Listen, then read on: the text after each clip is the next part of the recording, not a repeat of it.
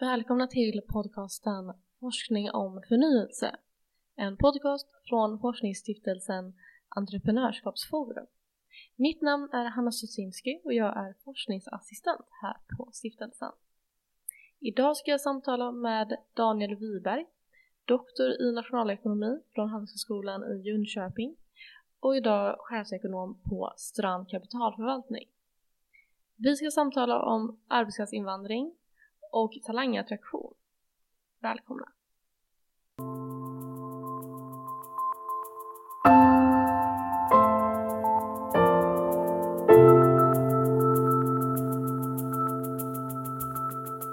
Just precis, som jag skrev tillsammans med Erik Agberg.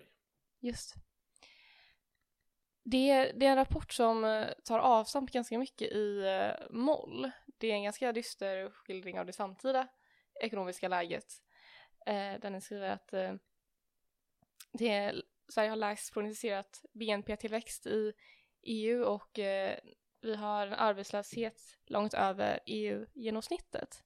Samtidigt så lyfter den fram att eh, ett av de största problemen hos företagen på arbetsmarknaden är eh, kompetensbrist, att de inte hittar arbetskraft helt enkelt.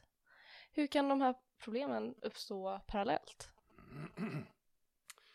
Ja, nej, men det här är ju ett av de stora tillväxthinder som vi vet att svenska företag har idag. Och jag tycker själv att när vi skrev den här rapporten så blev det ganska eh, lite smådeprimerande emellanåt, i synnerhet då när man tittar på den utveckling av de här reglerna som har skett de senaste decennierna. Det har liksom inte blivit lättare att attrahera eh, internationell arbetskraft till Sverige utan det har tvärtom blivit svårare. Men återigen till grundproblemet. Vi vet ju nu att den svenska ekonomin eh, är ganska stapplande. Det är nästan en underdrift. Vi är faktiskt sämst i klassen nu kan vi säga om vi ser till BNP-tillväxt. Så nu förväntar vi oss ungefär att BNP kommer falla under 2023 med omkring 1% och att det fortsätter med ett ytterligare BNP-fall på ytterligare eh, minus 1% 2024. Och det är ganska långt under världssnittet som ligger på en positiv tillväxt då på omkring 2,5 procent vilket inte heller kanske är jättemycket. Ser vi till euroområdet så förväntar man sig en BNP-tillväxt på omkring nollan.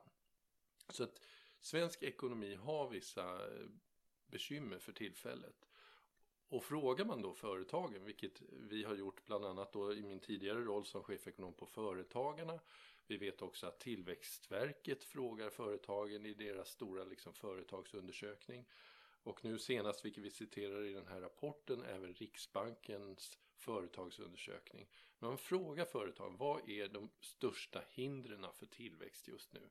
Så är det kompetensbristen, alltså svårigheten att hitta rätt arbetskraft i bolagen för att eh, åstadkomma den tillväxt och, och, växa på det sätt som företagen skulle vilja. Så att, Gäller det i hela landet eller det, finns det en differentiering där? Ja, det gäller i hela landet, men sen är det nog så att det är ännu svårare för mindre företag eller växande företag ute i landsbygden eller glesbygderna. Där kan det vara väldigt svårt att attrahera Eh, kompetent arbetskraft. Och med kompetent, med, eh, liksom, det är ett brett uttryck men ofta handlar det om någon som har en specifik yrkeskompetens eller specifik utbildning eller någonting som man behöver. Att få eh, en person eh, att flytta till en mindre ort kan vara väldigt svårt och ofta måste man ju också hitta någon form av sysselsättning för medföljande partner och så vidare vilket kan försvåra det här ännu mer. Jag är ju ganska övertygad om att mindre företag som ger sig ut då i världen för att hitta en medarbetare från tredje land eh, verkligen är mm. angelägna om att hitta rätt typ av kompetens och vet vad de söker. Det är liksom en väldigt hög kostnad att göra det för bolagen. Eh, mm. Och därför tycker jag den här frågan är så viktig också. Jag, jag själv är ganska intresserad av ekonomisk historia Eh, och just det här att det finns en brist på om en mansstyrd yrken. Det har ju också Sverige haft tidigare, eh, och tänker efterkrigstiden. Mm. Eh, och det, det som följde då. Men ser den här situationen ut som den på 50-talet eller finns det en skillnad i vilken alltså, arbetskraft vi söker? Jag tycker det är en väldigt bra parallell men jag tror också att världen ser väldigt annorlunda ut idag. På 50-60-talet så hade ju Sverige en ganska stor arbetskraftsinvandring inom vissa sektorer. Och då, det var också personer som kom från vissa länder. Det kan ju nästan jämföras mer med det man pratar om idag i till exempel vissa baltle, eh, baltstater. Det här med, eh, eller förlåt inte baltstater, Estland, Lettland, Litauen och så vidare. Där man har liksom en brain drain istället. Så att eh, inom vissa sektorer så, så rekryterade svenska företag ganska brett nere i södra Europa bland annat och även i Finland då. Eh, så det var så att säga specifika yrkesgrupper i, i specifika sektorer. Och vi ska ju också komma ihåg att, att Sverige var ett mycket mer isolerat land på den tiden. Vi var mer stängda ekonomier på det sättet. Och detsamma gäller ju förstås de här personernas hemländer då. Idag har ju globaliseringen lett till helt andra mönster för, för kompetens att röra sig över Mm. jordgloben. Du själv har säkert, liksom jag, studerat vid något utländskt universitet någon gång. Många idag träffar sina partner i andra länder. Så att vi har helt andra liksom flyttmönster Mm. som människor. Och, och, och den här jakten på att hitta talanger internationellt har också blivit mycket viktigare i takt med att företagen är mycket mer internationella idag. Så det gör ju att, att företag kan liksom relativt enkelt Mm. rekrytera en person från, från ett annat land jämfört med tidigare. Man pratar ju ibland om den högkvalificerade och den lågkvalificerade. Mm.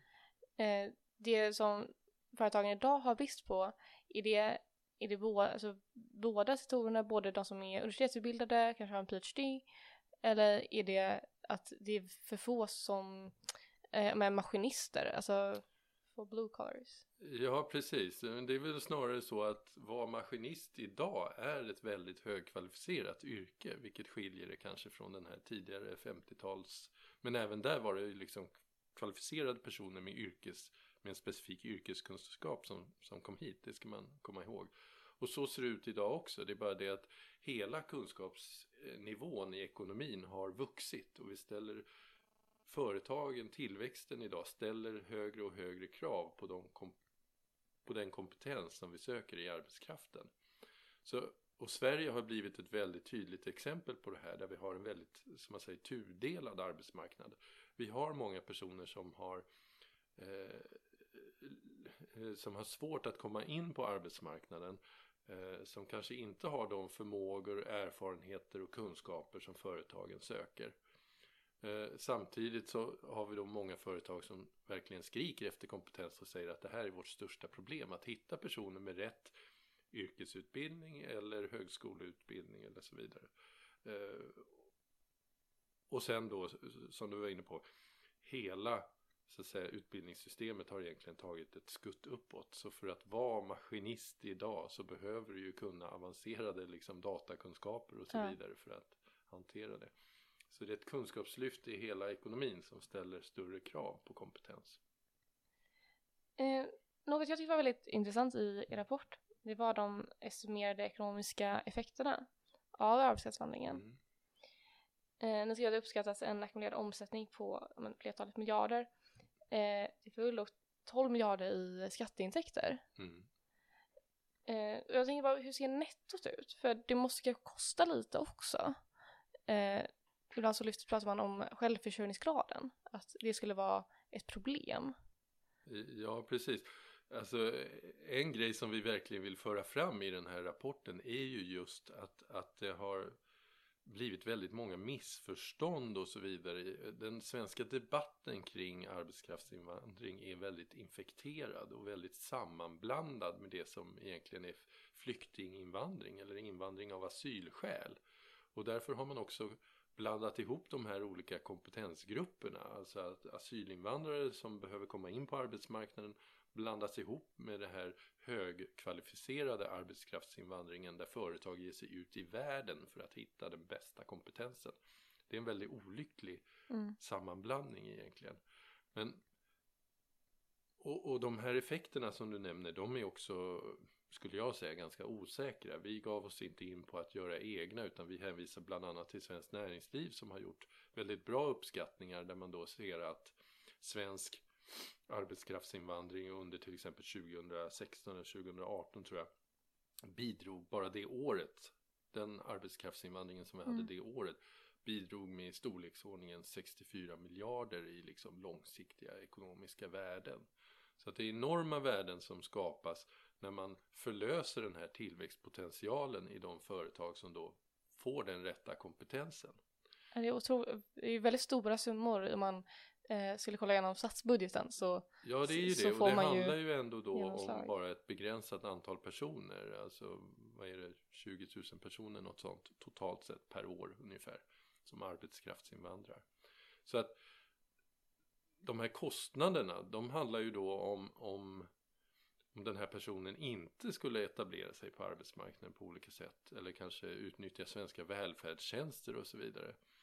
Och det har man ju givetvis rätt till men man ska ju då komma ihåg att de här personerna kommer hit på ett arbetstillstånd så de tar ju ett jobb redan från början så att säga.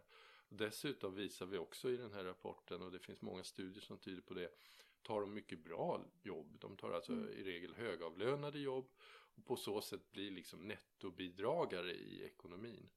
Till skillnad då kanske från en asylinvandrare som, som behöver etablera sig i samhället och det är associerade med vissa kostnader då åtminstone innan man kommer in på arbetsmarknaden och så vidare om man nu gör det.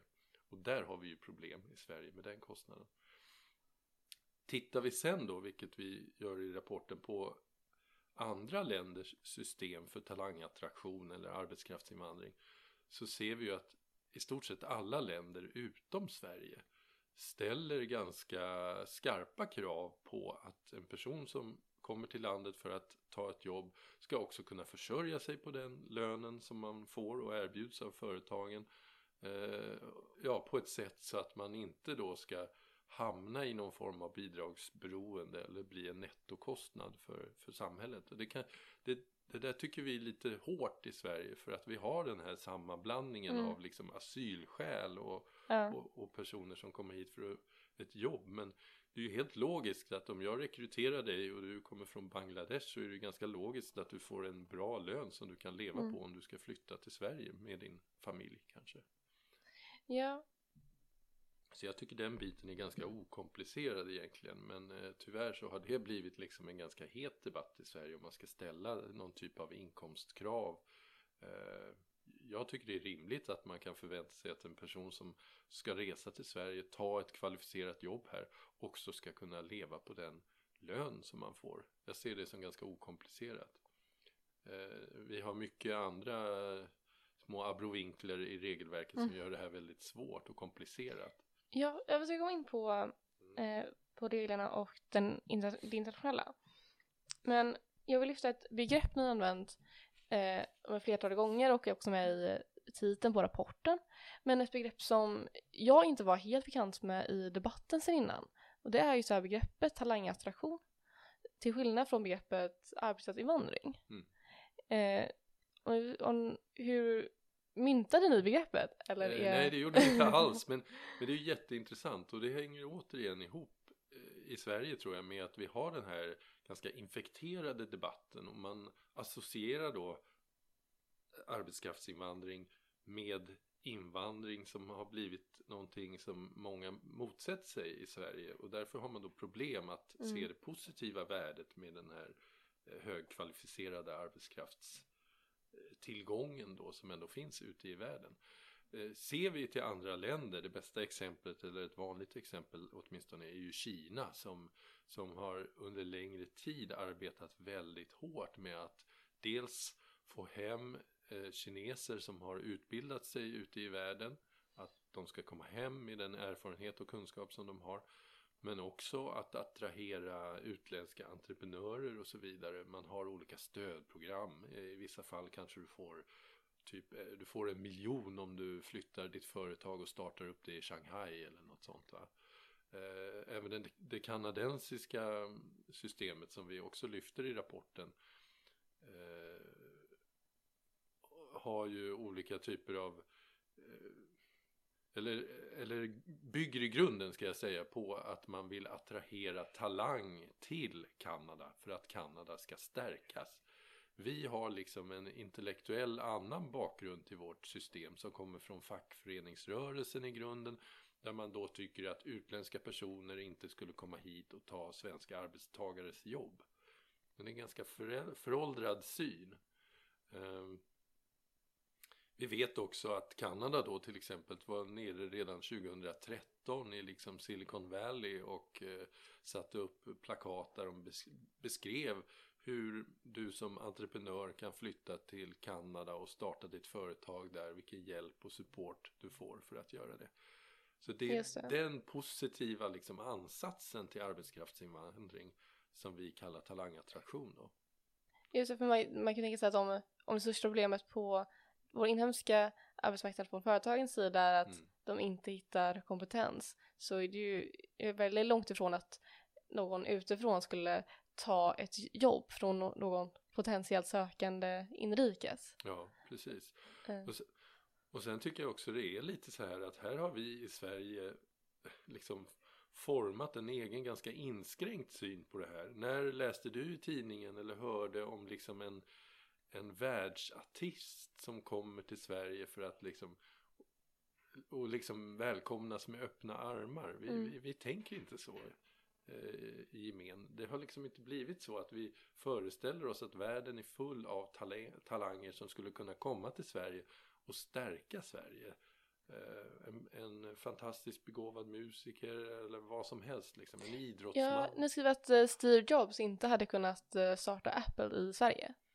Ja, det precis. Det är ju ett roligt exempel och det var ju en utredning som tillsattes 2021 tror jag då som handlade om hur systemet skulle kunna underlätta för talanger. I verkligheten då och så som utredningsdirektiven formulerades av den dåvarande regeringen så blev det ju egentligen bara förslag som försvårade ytterligare i systemet. Men så hade man en, ett, ett särskilt visum då infördes för, eh, för att komma till Sverige för att se, undersöka möjligheterna att starta företag. Och så la man på en massa olika regler då för att få det här speciella visumet. Ursäkta. För att komma hit i sex månader tror jag det var och undersöka möjligheterna att starta företag.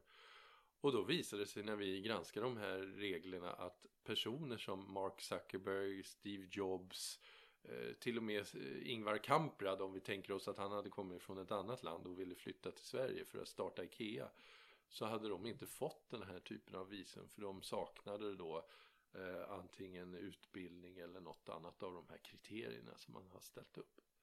Och då blir ju reglerna helt fåniga om vi ser att idag liksom världens största entreprenöriella talanger om man får kalla dem så inte skulle ha fått ett sånt här visum för att komma till Sverige och undersöka möjligheterna att för, Det blir väldigt tydligt vad den potentiella tillväxten som vi går miste om. Ja, precis. Va? Eh, det, det mm. visar ju liksom också hur, hur eh, krångliga regler kan bli och hur, hur långt ifrån dess ursprungliga syfte de blir i så fall.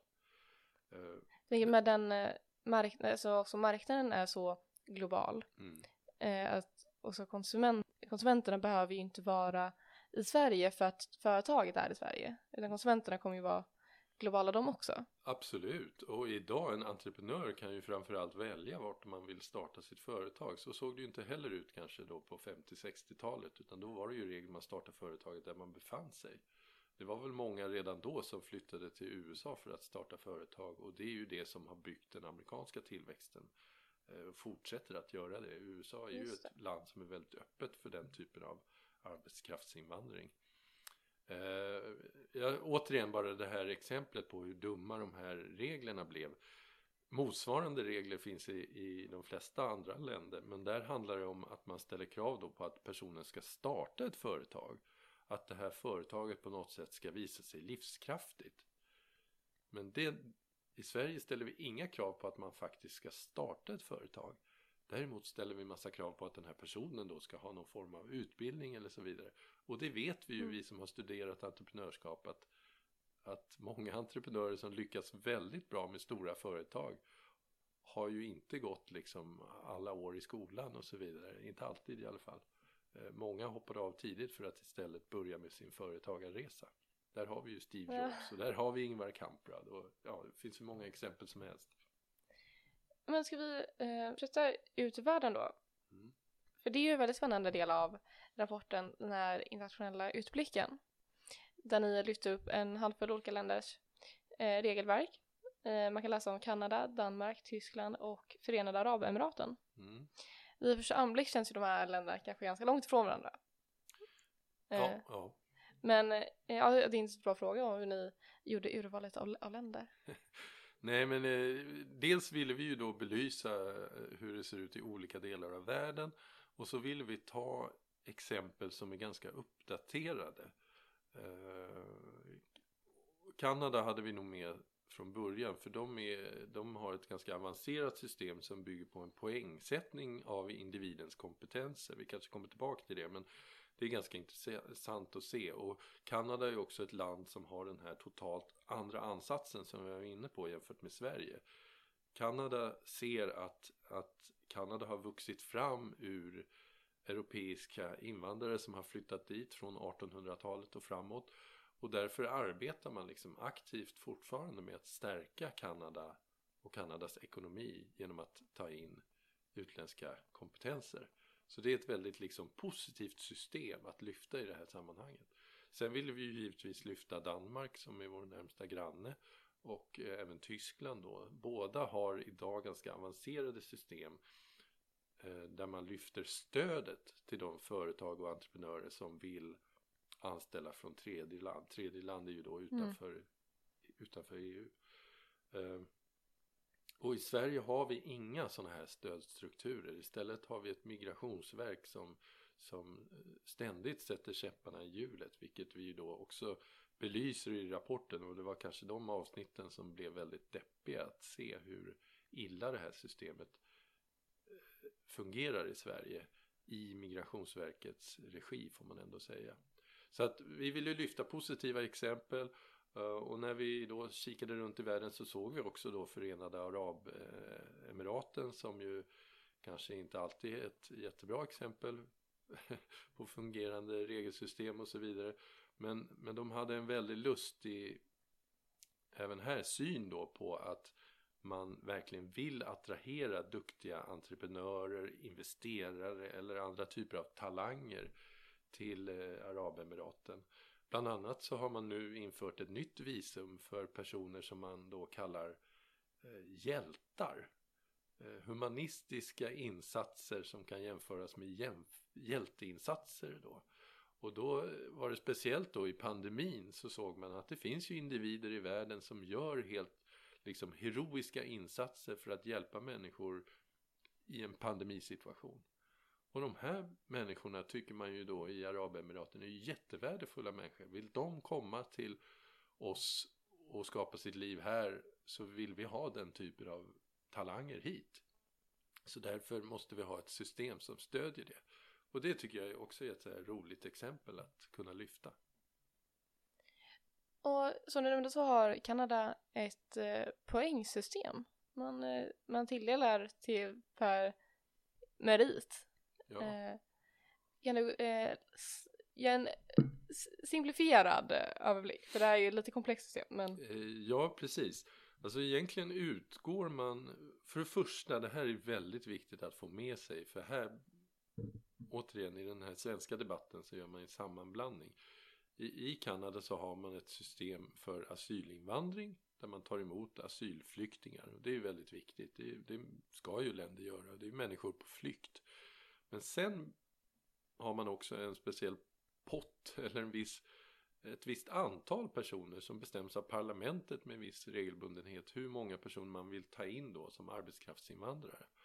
Och sen får olika regioner, olika industrier och så vidare liksom komma in med önskemål eller säga nu behöver vi den här typen av kompetenser.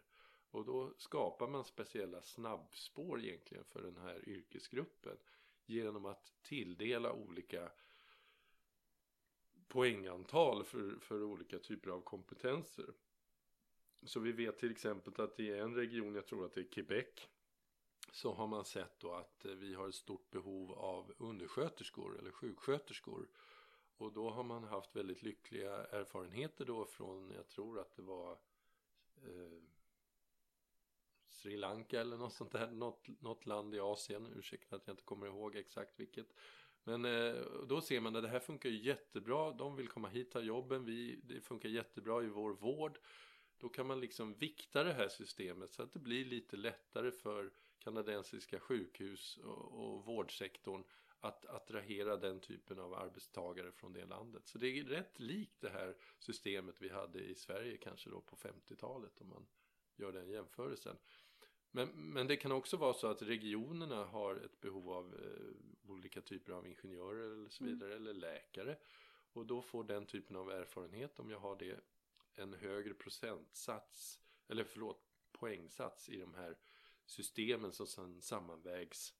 Så det är både privata och offentliga aktörer som kan vara med och säga hej vi behöver det här. Ja, precis. Och, och det är också ett sätt för då näringslivet och regionerna att, att få in vilka behov de har. Så det är ett ganska flexibelt system på det Mm. sättet jämfört med Sverige där vi har samma regler över hela landet och vi vet att det ser väldigt olika ut i näring, näringslivsstrukturen i olika delar av landet. Så det är ju inte speciellt ändamålsenligt. Så i Sverige skulle det kunna vara att eh, Volvo i, i Torslanda Göteborg skulle kunna säga vi behöver eh, ingenjörer med eh, den här eh, speciella kompetensen. Precis, och, och vi vet ju att de svenska storföretagen är väldigt engagerade i de här frågorna. Eh, man har också i Sverige inrättat ett slags certifieringssystem så att de stora företagen kan få en certifiering via Migrationsverket vilket då kan underlätta den här hanteringen något. Men det är ändå fortsatt väldigt svårt. Regionerna har inga sätt att liksom komma in och säga att nu har Region Västerbotten ett stort behov av lastbilschaufförer, om man tar det exemplet. Då, då har inte Migrationsverket någon möjlighet att underlätta för Mm. lastbilschaufförer att Nej. komma in. Och hos mindre företag, de allra flesta företagen är ju små. Mm. Eh, om de eh, vill som anmäla sin, sitt behov idag till Migrationsverket Mm. eh, och man kanske inte kan få en certifiering kan branschorganisationen få en certifiering för alla sina medlemsföretag? Eh, eller skulle det kunna vara Nej, bara företag. Även mindre företag ska ju kunna få en certifiering. Men det här är ju också någonting som vi försöker belysa i rapporten. För ett litet företag i ju den här administrationen att, att gå igenom en process med arbetskraftsinvandring med i Sverige då handläggningstider som kan vara uppemot tre år eller mer. Det är ju en helt orimlig process. Och kostnaden för den tid och kraft som man måste lägga ner är jättehög. Det är därför jag tycker att det är väldigt mycket rimligare att tänka sig att man ställer krav på att företaget ska betala en viss lön till den här personen. Så att den har en inkomst som man kan leva på. Och på så sätt kan man liksom reducera den här red tapen, den här byråkratin till att bli ett investeringsbeslut för företaget. Har vi behov av den här personen? Kommer den här personen kunna bidra så här mycket till företaget? Ja, då kan vi ju också betala lön. Vi vet ju att svenska företag inte konkurrerar med låga löner. Vi konkurrerar med bra varor och liksom kompetens. det, det är intressant. Jag vill bara Mm. eh, slutföra på poängsystemet, en sista fråga där. För Mm. eh, det är ju ganska osvenskt sätt att eh, mäta en person på. Att eh, vi har en sökande från eh, Sri Lanka som får, har kanske 11 poäng och så har vi en från eh, norra Indien som Mm. har 13 poäng. Så Mm. tjänsten går till eh, dig med 13. Ja, precis. Nej, men jag, jag tror att vi, vi, vi ser det som ett väldigt liksom, kanske orättvist system. Men jag vill nog ändå poängtera att det är ju inte personerna som graderas eller poängsätts. Utan det är ju deras erfarenheter och kompetenser som man kvantifierar på det här sättet. Ett annat bra exempel är om jag, om jag då eh, om ett kanadensiskt företag försöker rekrytera mig, jag har en viss utbildning, jag är doktor i nationalekonomi så jag får nog en relativt bra poäng där. Jag kanske kan något språk, då får jag en ytterligare poäng för det. Om min hustru då eller partner på något sätt har andra kompetenser, de, de kanske är läkare. Och det är ju också någonting som Kanada tycker är en väldigt bra kompetens att ta tillvara på. Ja, då får ju vi som par en högre poäng så att säga. För det är ju, vi har ju båda kompetenser som, som Kanada vill ta emot så att säga. Så även medföljande kommer ju in i det här systemet Mm. och kan ju på så sätt stärka varann i den här processen också. Så man gör egentligen ingen skillnad alls på om en person är från Indien eller Sri Lanka som var ditt exempel. Utan man tittar enbart på vilka kompetenser har de som vi behöver i, i Kanada. Har de en typ av utbildning? Har de jobbat i en viss bransch eller sektor? Kanske man får poäng för det. Kan de olika språk? Har de någon, någon annan typ av erfarenhet som man då i det här systemet har poängsatt på olika sätt? Sen finns det också en, ett element av enskild bedömning som kan göras. Och där tycker jag man har det här talangattraktions... Det är någonting som vi har letat efter i alla de här systemen. Att om det är så att en person bara är helt fantastisk, lite det här hjältespåret Mm. liksom, eller eh, kanske kan, eh, en fantastisk pianist. Det kan vara svårt att poängsätta. Eh, då finns det ändå ett utrymme då för att tjänstemännen i Kanada bedömer att det här är en sån exceptionell talang eh, som vi vill ta vara på i Kanada. Så att du är välkommen hit liksom, eller du får en hög poäng då i det här systemet. Så det är Eh. ganska lätt att vikta om systemet. Nu behöver vi vårdpersonal, då, då får de en högre Ja. procentsats liksom för att fler ska kunna komma in på arbetsvisum inom vårdsektorn till Kanada. Och systemet vi har idag är ju på många sätt som på, på, på individplanet Mm. så eh, kan det få ganska inhumana konsekvenser när Mm. folk går och väntar väldigt länge. För visst är så handläggningstiderna idag... Ja precis, och det där är Exakt. någonting som vi verkligen fastnade på lite grann i rapporten och det var, en ganska, det var ju ganska tråkigt att se. Men vi lyfter också i rapporten att, att de svenska handläggningstiderna i Migrationsverkets regi har vuxit över tid. De sträcker sig i många fall över flera år, vilket är orimligt då för en person. Och orimligt också om vi tänker oss hur en modern global ekonomi fungerar. Att om du har ett svenskt företag, du vill rekrytera en chef från eh, tredje land. Den personen kan du ju liksom inte hålla i en rekryteringsprocess under flera år. Det är inte så det funkar. Den personen kommer ta ett jättebra toppjobb i sitt hemland eller i ett annat europeiskt land. Varför inte i Danmark då som har ett liksom möjliggörande välkommet system där, där företagen får besked inom några veckor, max en månad. Det garanterar man från den danska eh, motsvarigheten till Migrationsverket. Då. Och i Sverige skulle den här personen ligga och vänta osäkerhet eh, under flera år. Det är ett helt orimligt system. Dessutom har vi haft de här uppmärksammade kompetensutvisningarna också där personer har utvisats på grund av marginella fel eller nästan rena som eh, missförstånd. arbetsgivaren. Som arbetsgivare eller tidigare arbetsgivare har gjort och som man kan rätta till ganska lätt alternativt kanske inte alls kan rätta till om man till exempel har saknat en viss försäkring under en liten period. Ja, det är ju ingenting som man kan ändra retroaktivt. Man kan inte gå tillbaka liksom och säga att du hade en försäkring för två år sedan. Det går inte att rätta den typen av fel. Så då är det ganska orimligt att även om den personen har alla försäkringar idag, man har rättat till de här felen eftersom, så ska man utvisas på grund av någonting som var för tre år sedan. Eh, Det har ju uppmärksammats i Sverige ganska mycket då. Så att den här typen av liksom byråkratiska hinder har blivit ett väldigt stort problem och väldigt kännetecknande då för det här Mm. svenska regelverket. Och jag tycker ju det är betydligt mer, som du var inne på, inhuman hantering av människor. Eh, att leva i osäkerhet, att svenska företag inte vet hur, om de kan rekrytera eller inte, vad som gäller. Men, men ytterst då givetvis, de här personerna som ska komma till Sverige behandlas då på det här sättet. Eh, det tycker jag är ganska illa.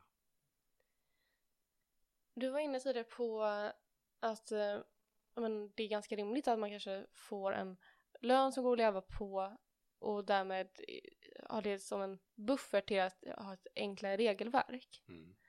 Eh, det är ju verkligen på, på tapeten att eh, eh, det styrande partiet vill eh, lägga in en väldigt, hög, eh, väldigt högt lönegolv. Ja, precis. Den nuvarande regeringen har ju föreslagit ett, ett inkomstkrav då som motsvarar ungefär medianlönen tror jag. Eh, jag tycker det är väldigt rimligt. Eh, jag tycker det är rimligt att tänka sig att om vi ska rekrytera en person till Sverige från tredje land ska den personen kunna leva eh, bra på sin lön. Och, en svensk medianlön är ju då precis vad det är. Det är vad svenskarna tjänar i median så att säga. Det är ganska rimligt. Sen finns det vissa yrkesgrupper som tjänar lite mindre och, och andra yrkesgrupper som tjänar mycket mer. Jag tror att det är viktigt att man när man gör en sån regel skapar en viss flexibilitet så att den också fungerar med, med kollektivavtalsenliga löner som ju är den svenska liksom, lönemodellen. Och då kanske man kan sätta någon poäng, eh, förlåt, eh, någon form av eh, procentsats av av medianlönen. Då blir det också mer flexibelt om man ser ute till regionerna runt om i landet. För även om vi, vi kanske har lite högre lönestruktur i Stockholm än vad man har eh, i vissa delar av landet. Och då kan man få en viss flexibilitet där. Men det finns grupper i näringslivet som hävdar att det är orimligt att ställa den här typen av inkomstkrav.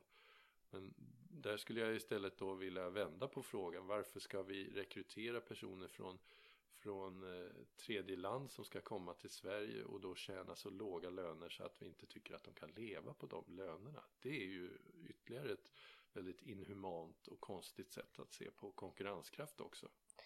Och då tänker du på de som är heltidsanställda och inte säsongsarbetare? Eller gäller det alla? Är det de som jobbar under bara ett halvår här i Sverige? Ja precis, om man bara är här på annat? tillfälligt arbetstillstånd då är det egentligen andra regler som gäller för det. Så det här avser ju de personer Mm. som rekry- rekryteras hit för ett liksom stadigvarande tillvaro här och ett jobb som sträcker sig över många, många år. Kanske med tanken i grunden också att man så småningom ska etablera sig i Sverige på den svenska arbetsmarknaden så att säga. Men det handlar hela tiden i grunden om personer som redan har ett jobberbjudande. Ett svenskt företag som ser dig som nyckelkompetens och vill rekrytera dig till Sverige. Då är det fullt rimligt att man också betalar ganska bra. Sen kan det ju vara så att, att, att det upplevs som en dyr rekrytering att göra. Men det belyser ju ännu mer då hur viktigt det här är för företaget. Eh, och, och givetvis måste det då komma med en, med en förenkling i det övriga systemet. Det är ju hela vinsten med det här att man då kan anse att den här personen kan försörja sig på sin lön och kan ta hand om sig själv. Så det är liksom inte en, en fråga för samhället, det är inte ett problem på det sättet. Migrationsministern var ju eh, med på lanseringen av rapporten och Mm. eh, eh, om ett litet anförande. Det går också att se i efterhand på Entreprenörskapsforums eh, Youtube-sida. Eh, vad, tyckte du att hon gjorde en eh, rimlig bedömning av rapporten och rimliga kommentarer eller var det eh, Nej men det tycker jag och då reger, vi, vi föreslår ju det i rapporten också att det är mycket rimligt att se över det här. I Sverige har vi idag ett krav på försörjning i de nuvarande reglerna men det, det kravet ligger på omkring 14 000 i månaden. Och det går ju inte egentligen då att leva i Sverige på en lön på 14 000 kronor. Och det kan inte heller på något sätt kva- kallas kvalificerat arbete. Så de grupper i näringslivet som försöker säga att vi, vi rekryterar kvalificerade personer och vi tänker bara, vi vill bara betala dem under 20 000 i månaden eller något sånt. Det är ju liksom inte så svenska företag konkurrerar idag. Vi kan inte konkurrera med låglönejobb så att säga. Det är inte den typen av tillväxt som det handlar om. Eh, så då försvinner anledningen att ge sig ut i världen för att rekrytera de personerna. Så jag tycker där, där är regeringen eh, på rätt spår tror jag. Att, att försöka förenkla systemet med någon form av inkomstkrav. Sen tror jag då för regeringens, mitt råd till regeringen, vilket jag hoppas att migrationsministern lyssnade på. Det är ju som sagt att göra den här bestämmelsen på något sätt flexibel så att den går att tillämpa på ett bra sätt. Mm. Så att det inte blir liksom precis stenhårt att du måste ha 30 200 kronor. Det är inte det som är poängen. Poängen är att man ska kunna leva på den här lönen. Det ska vara en skälig och god lön på den svenska arbetsmarknaden. Men det bör också ställas i någon form av relation till, till eh, de kollektivavtalsenliga lönerna. om man då går tillbaka i, som, i, i tiden och läser om arbetskraftsinvandring så är ju någonting som kom, kommer upp både i som den skriftliga debatten och kanske bland en äldre generation att.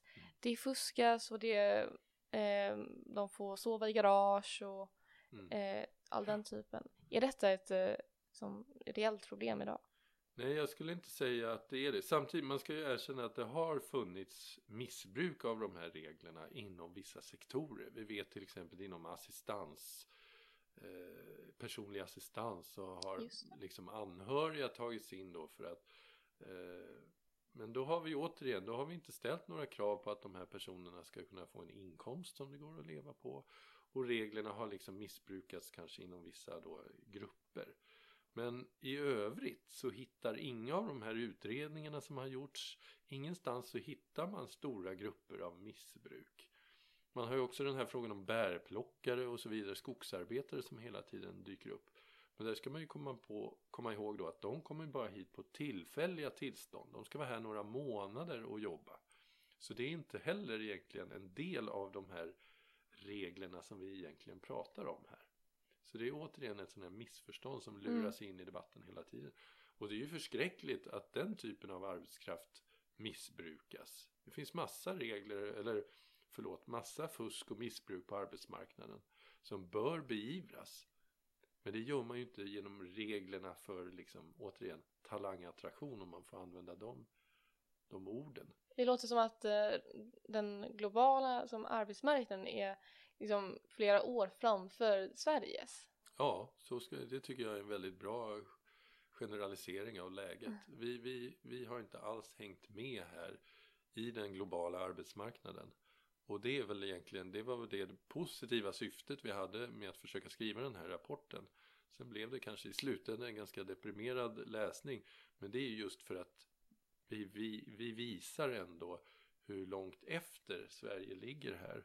Och det är nog på grund av många av de här missförstånden som, som har uppkommit i den svenska invandringsdebatten helt enkelt. Och avslutningsvis, hur, hur ser du på, på framtiden? Den här rapporten har lanserats eh, med migrationsminister Mia Stenegard eh, har ju varit väldigt aktiv i frågan, det är en fråga som debatteras både mm. åt ena och andra hållet. tror du det kommer bli en förändring eller tror du vi först kommer tappa? Jag, jag hoppas att det blir en förändring och jag är väldigt glad över att regeringen nu har inlett olika insatser för att på olika sätt liksom reformera det här systemet. Jag tror att det finns väldigt mycket att göra som vi belyser i rapporten och jag hoppas att vi kommer se mer. Men jag tror ändå att regeringen har rätt ansats i det här. För migrationsminister har försökt liksom upprepa det här att det här handlar om att förenkla för de kompetenser vi vill ha hit till Sverige och behöver rekrytera till Sverige. Det handlar inte om att försvåra för asylinvandrare eller den typen. Det är andra frågor som vi måste lösa i andra forum. Vi måste kunna hålla liksom två saker i mm. huvudet samtidigt. För svenska företag måste kunna attrahera talang internationellt och rekrytera internationellt. Samtidigt som vi måste lösa utmaningar på den svenska arbetsmarknaden och hantera en liksom human mänsklig asylinvandring. Men det är två olika frågor. Kommer nästa stora techjätte att startas i, Sverige? Det vore väl fantastiskt. Jag tror inte det, inte än på ett tag för att vi har fortfarande en lång bit kvar att gå för att de här reglerna ska bli så pass bra som de är då i i våra konkurrentländer om vi tittar på mm. Danmark, om vi tittar på, på Tyskland till exempel då, eller för all del Kanada. Men det finns ju också snabbare recept man kan ta till. Båda, alla de här länderna egentligen har olika typer av sådana här mottagningscentrum eller vad man ska, kan säga. Där företagen kan få hjälp med att rekrytera. Och det är ju en ganska quick fix egentligen som vi skulle kunna få till även här i Sverige. Så att eh, jag ser fram emot ytterligare insatser på det här området och får man till dem så kan det åtminstone bli lättare att växa svenska företag genom internationell rekrytering. Rapporten finns att läsa på entreprenörskapsforum.se och på Youtube finns panelsamtalet från lanseringen inspelat. Eh, tack för att du kom hit Daniel. Tack så mycket.